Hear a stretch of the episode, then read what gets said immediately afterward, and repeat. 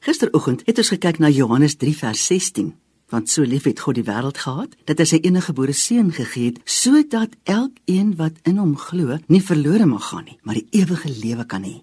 En vandag wil ek graag die daaropvolgende twee verse byvoeg. Vers 17.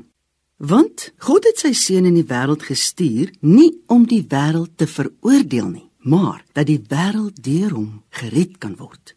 Hy wat in hom glo, word nie veroordeel nie.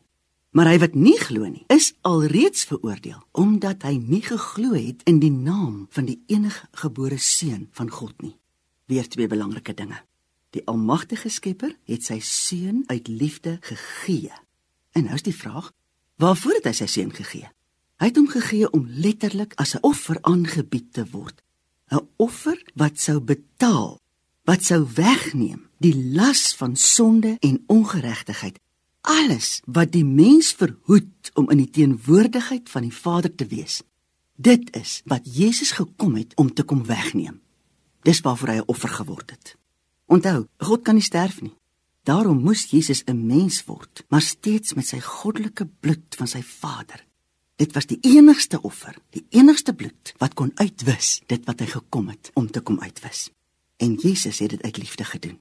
In die tweede plek, Die liefde van die Vader en die Seun is so groot dat daar geen oordeel aangekoppel is nie, maar wel 'n beloning van vergifnis. Wanneer ek glo dat Jesus vir my gesterf het, ontvang ek sy vergifnis en ek kom nie meer onder die oordeel nie.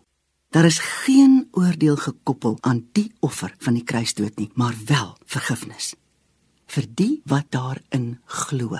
Maar elkeen wat nie glo dat Jesus se kruisdood vir hom 'n verzoening gebring het met die Vader nie, bring homself onder die oordeel van wie se eie keuse. Die feit dat ons glo in die versoendood van Christus beteken nie dat ons nou kan droogmaak en leef soos ons wil nie. Ons antwoord op hierdie goddelike liefde behels immers verhouding. En uit verhouding wil ons kies om gehoorsaam te wees aan die Vader. Maar die vraag is: glo jy dat Jesus ook vir jou gesterf het aan die kruis? Glo jy dat jy vry is van oordeel, soos Romeine 8:1 ook vir ons leer? Daar is nou geen veroordeling vir die wat in Christus Jesus is nie. Dankie Vader dat ons hierdie dag kan ingaan met die wete dat ek vry is van oordeel omdat ek glo in die verlossing van Christus. Amen.